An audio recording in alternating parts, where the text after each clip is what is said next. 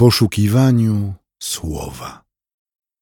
Rozważanie pisma prowadzi ksiądz Piotr Gaś, Kościół Świętej Trójcy w Warszawie. Łaska i pokój Pana naszego Jezusa Chrystusa, miłość Boga Ojca i społeczność Ducha Świętego niech będą z nami wszystkimi teraz i zawsze. Amen. W pierwszej Księdze Królewskiej, w dziewiętnastym rozdziale, od pierwszego wersetu czytamy słowo ze Starego Testamentu, które jest podstawą obok już słyszanych czytań liturgicznych, podstawą naszego rozmyślania. Achab opowiedział Izabel o wszystkim, co zrobił Eliasz i o tym, jak pozabijał mieczem wszystkich proroków. Wtedy Izabel posłała do Eliasza posłańca z taką wieścią: Tak niech uczynią bogowie i dodadzą coś jeszcze, jeżeli jutro o tym czasie nie, nie zrobię z Twoim życiem tak, jak postąpiłeś z życiem każdego z nich. Kiedy Eliasz zobaczył, co się dzieje, wstał i odszedł z obawy o swoje życie. Przybył do Berszeby w Judzie i zostawił tam swojego sługę. Sam zaś powędrował na pustynię na odległość jednego dnia drogi i gdy tam przybył, usiadł pod Janowcem i modlił się o śmierć. Dosyć, Panie, odbierz mi życie, gdyż nie jestem lepszy od moich przodków. Następnie położył się i zasnął pod jałowcem.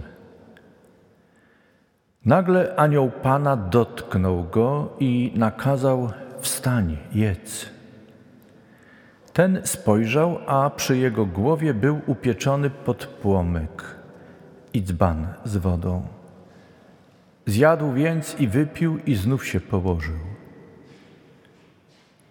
Anioł Pana powrócił po raz drugi dotknął go i powiedział: Wstań, jedz, bo przed tobą daleka droga. Wstał więc, zjadł i wypił, a następnie pokrzepiony tym posiłkiem szedł czterdzieści dni i czterdzieści nocy, aż do Bożej Góry Choreb. Tam wszedł do jaskini i zanocował.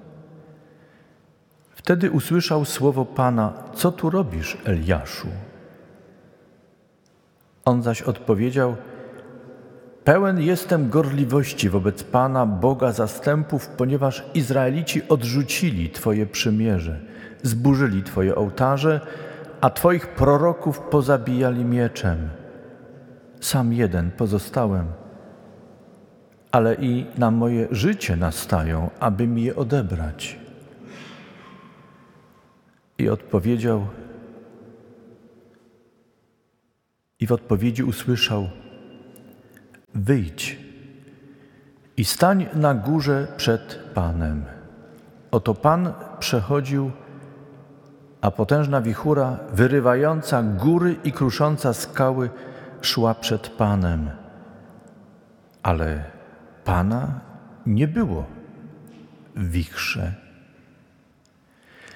A po wichurze nastąpiło trzęsienie ziemi, lecz i w trzęsieniu ziemi nie było Pana. Po trzęsieniu ziemi pojawił się ogień, ale i w ogniu nie było Pana. Po ogniu szum, cichy i łagodny. Kiedy Eliasz to usłyszał, zakrył twarz płaszczem Potem wyszedł z jaskini u wejścia do jaskini, tam stanął, a wtedy głos powiedział do niego: Co tu robisz, Eliaszu?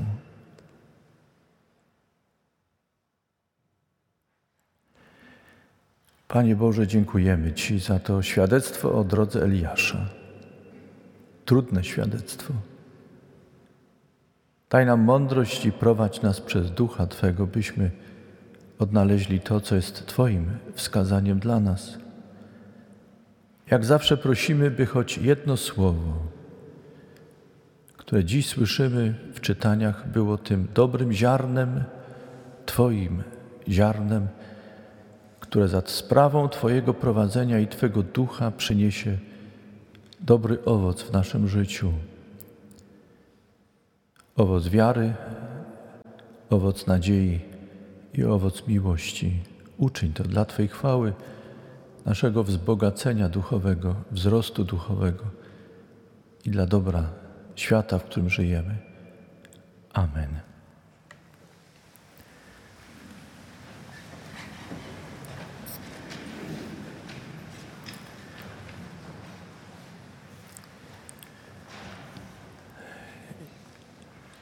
Jak wiecie, siostry i bracia, przygotowując się do nabożeństwa, lubię szukać wspólnego mianownika dla czytań danej niedzieli.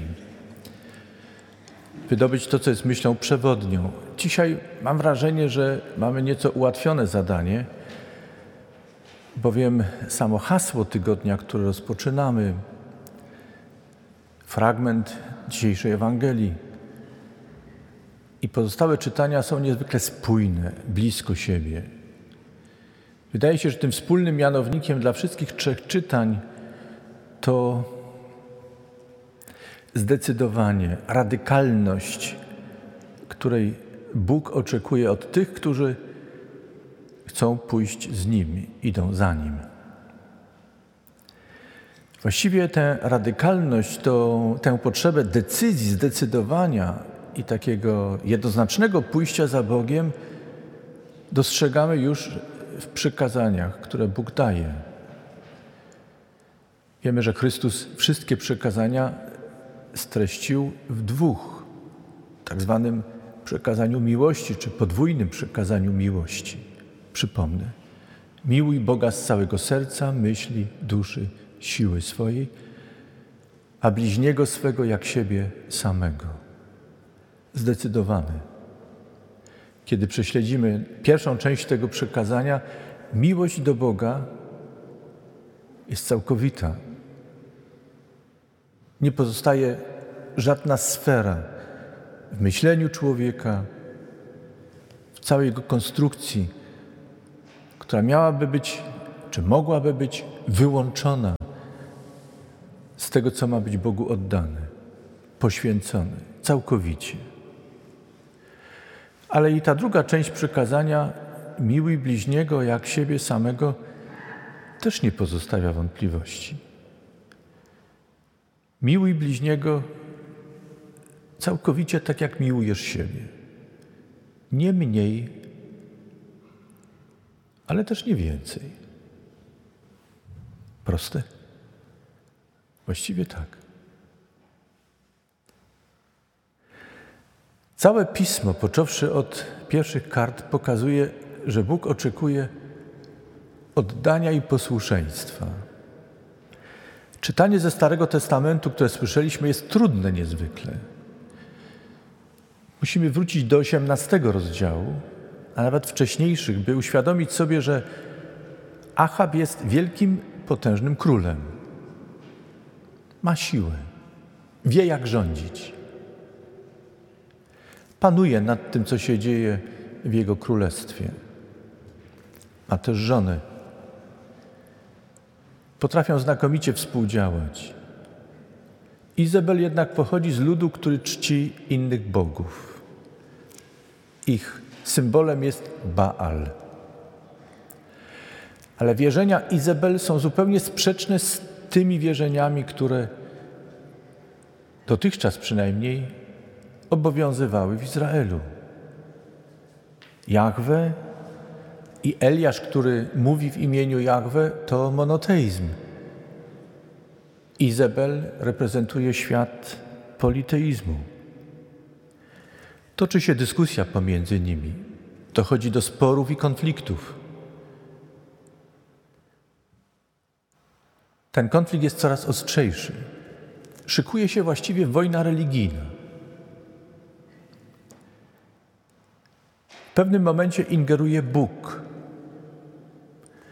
Robi to jako ten, któremu podlega nie tylko Achab, Izabel, Eliasz, i ludy, które oni reprezentują.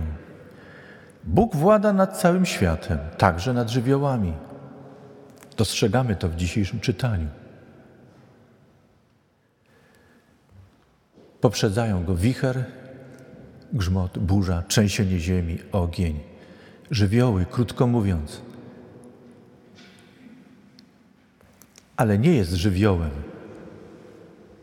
Bóg jest ponad tym, ponad wszystkim, co jest. Dlatego włada nad wszystkim. Bóg więc zsyła suszę. Susze się zdarzają, ale ta była wyjątkowa. Przychodzi wreszcie zagrożenie głodu i głód. Tamten świat miał inne reguły ekonomiczne. Żyto od przednówku do przednówku. Trzeba było jakoś umiejętnie planować, ale kiedy zapanowało, zapanowała susza, nieurodzaj, trudno było wyżyć od przednówka do przednówka. Dochodzi, jak wiemy, do rozprawy swojego rodzaju i sądu na górze Karmel. Bardzo plastyczna jest ta scena. Zajrzyjmy do niej, znajdźmy czas, dziś, chwilę, zajrzyjmy do niej do 18 rozdziału. Bóg okazuje swoją moc, swoją potęgę. Finalnie zsyła deszcz. Ale dzieje się jeszcze coś na górze Karmel, co nie wynika z rozkazu Pana. Mianowicie Eliasz każe obecnym towarzyszącym temu sądowi na górze Karmel zabić proroków Baala. Jest rzeź. 450 ginie. Niezwykłe. I właściwie niewytłumaczalne, bo z tekstu nie wynika, że Bóg nakazał to czynić. Czy była to decyzja Eliasza? Czy w swoim proroczym spojrzeniu stwierdził, że okoliczności służą temu, by dokonać pewnego sądu nad prorokami, ale dlaczego pozbawiać ich życia? Czy radykalność, o której dzisiaj chcę mówić i mówię, miała służyć temu? Na tym ma polegać radykalność nas, wierzących w tym świecie, że kiedy przeciwnik leży na łopatkach, jest pokonany, trzeba go dobić?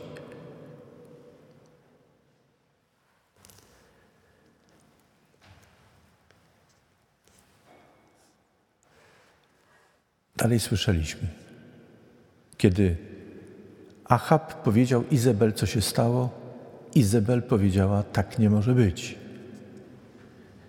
W tamtym czasie wierzono, że jeśli kapłani, prorocy jednego Boga zwyciężają, to znaczy, że ten Bóg jest silniejszy. Trzeba więc uderzyć, by przekonać świat, że to nie tamten Bóg jest mocniejszy, ale nasz Bóg, w imieniu którego działamy. Wniosek nasuwa się sam. Kto właściwie walczy? Bogowie czy ludzie reprezentujący Go? W czyim imieniu działają prorocy?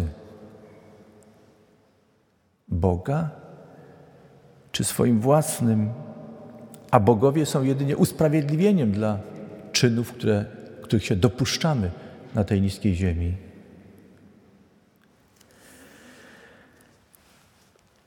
Czy Jahwe, w imieniu którego mówił Eliasz, potrzebował krwi proroków i kapłanów Baala? Tekst nie odpowiada nam jednoznacznie, ale na pewno nie znajdziecie, chyba że ja źle czytam tekst, nie znajdziecie polecenia Boga, że należy ich proroków Baala, kapłanów Baala wytępić. Eliasz ucieka. Boi się o własne życie. Ma dosyć. Skarży się przed Bogiem. Ściągnął na siebie coś, czego nie był w stanie przyjąć, a jednocześnie przyznaje, nie jestem lepszy od moich przodków. Jestem taki sam jak oni. Słaby, herlawy, zdolny do uniesień, do wielkich gestów, także krwawych sytuacji, ale potem jestem całkowicie wypalony, marny człowiek.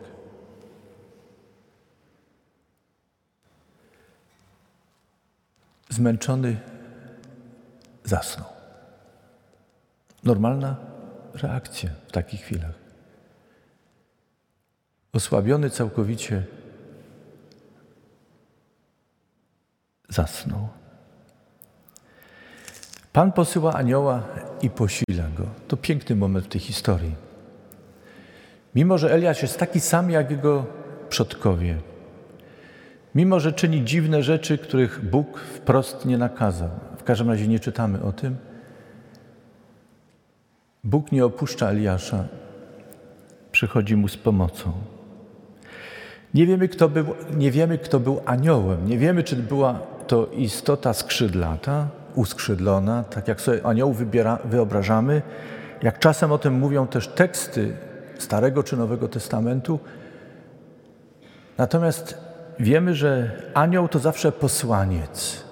Ktoś, kto przychodzi w imieniu Pana i czyni coś, czego akurat człowiek, do którego Bóg posyła swoich aniołów, potrzebuje. Pan działa przez nich. Tak jest i tym razem. Z tekstów biblijnych jasno właściwie wynika, że aniołami mogą stać się także ludzie. Myślę sobie, że i tutaj proszę, y, wierzcie mi, nie mówię pod przysłowiową publiczkę i y, żeby komuś przyjemność sprawiać, ale myślę sobie, że jesteśmy w takim czasie, kiedy Bóg w tym świecie działa przez swoich aniołów wierzących, ale także, co cudowne, używa ludzi o różnych przekonaniach i poglądach, w których budzi poczucie przyzwoitości, sumienia i posyła do potrzebujących, którzy potrzebują wsparcia. Czasy trudne zawsze ujawniają, w kim jest demon, duch zły i w kim jest iskra Boża, która budzi człowieka do przyzwoitych, mądrych, ciepłych, serdecznych zachowań. Myślę, że współcześnie uciekający doznali wielu dobrych chwil i wzmocnienia i podania posiłku, w mocy którego mogli podążać dalej. Tak było z Eliaszem. Ale zauważmy, że Eliasz cały czas gdzieś się chowa, kryje, gdzieś ucieka. Tym razem schował się w rozpadlinie skalnej, w pieczarze. Pan okazuje mu swą moc i stale musi go pytać, co tu robisz, Eliaszu? Uczestnicy studium biblijnego wiedzą, że fascynują mnie pytania, które Bóg stawia. One są mądre i dobre. I myślę sobie, że to jest jedno z tych genialnych pytań, które pojawiają się, które Bóg wypowiada do człowieka. Co tu robisz? Wypowiedzcie w tym miejscu swoje imię. Co tu robisz? Dzisiaj w tym miejscu. Co robisz wtedy, kiedy chowasz się czasem w swojej pieczarze, w swojej rozpadlinie? Co robisz w tym miejscu, kiedy masz poczucie swojej małości, harlawości, że nie jesteś lepsza czy lepszy od swoich przodków? Co robisz w takich chwilach? Co robisz w tych miejscach i w takich chwilach, kiedy zmęczony, znużony czy zmęczona, znużona, padasz z nóg, z sił, zasypiasz i nie masz ochoty się obudzić i wstawać. Jest Ci dobrze, kiedy możesz spać, odpoczywać. A kiedy Bóg posyła coś dobrego, posyła swoich posłańców, którzy Cię budzą, dają możliwość powstania, wzmacniają fizycznie, psychicznie. Co wtedy robisz? Jak reagujesz na to pytanie, co tu robisz, drogie dziecko, moja córko, mój synu?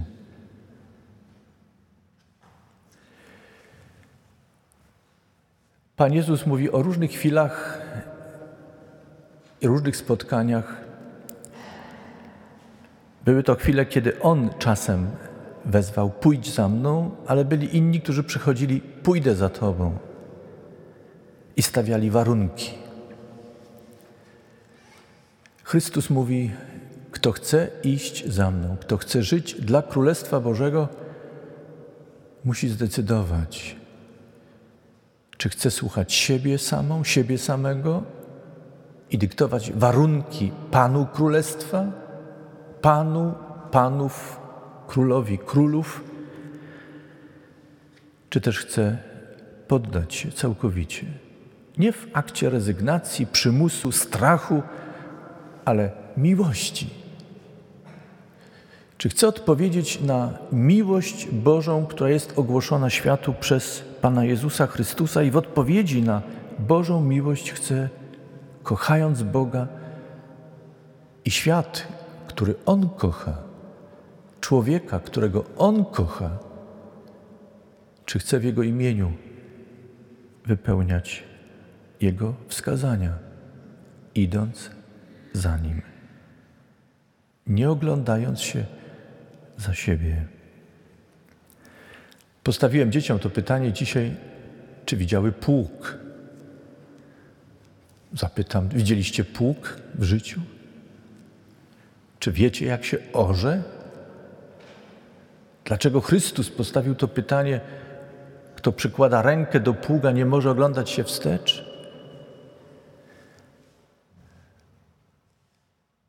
W tamtym czasie nie miano GPS-u, żeby orać przy pomocy tak nowoczesnych urządzeń.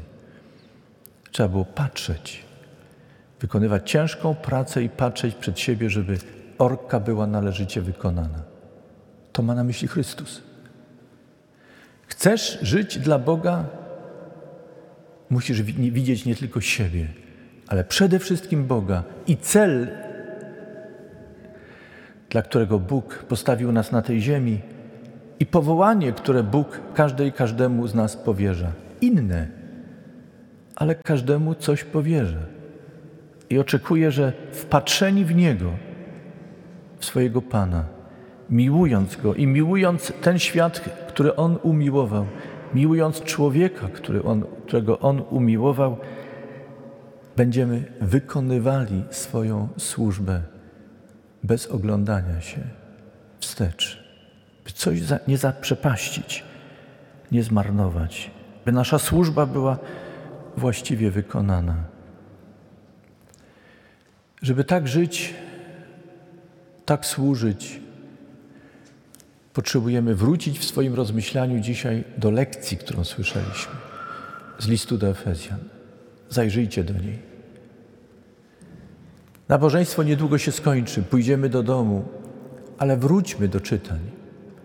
Niech one staną się zwierciadłem, w którym zobaczymy odbicie świata, odbicie samych siebie, ale przede wszystkim odbicie tego, jakim jest Bóg.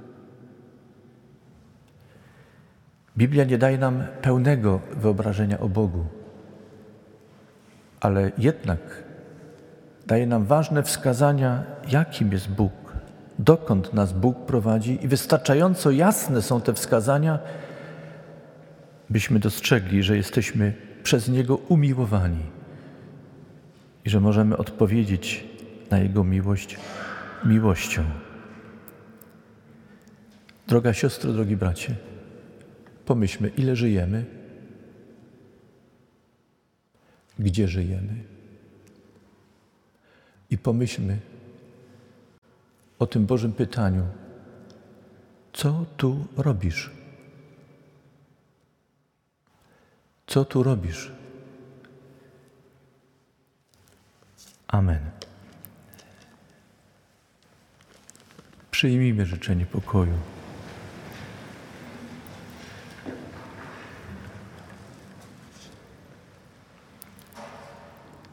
A sam Bóg pokoju niech nas w zupełności poświęci, aby duch nasz, dusza i ciało były zachowane bez nagany na dzień przyjścia i spotkania z Panem naszym Jezusem Chrystusem.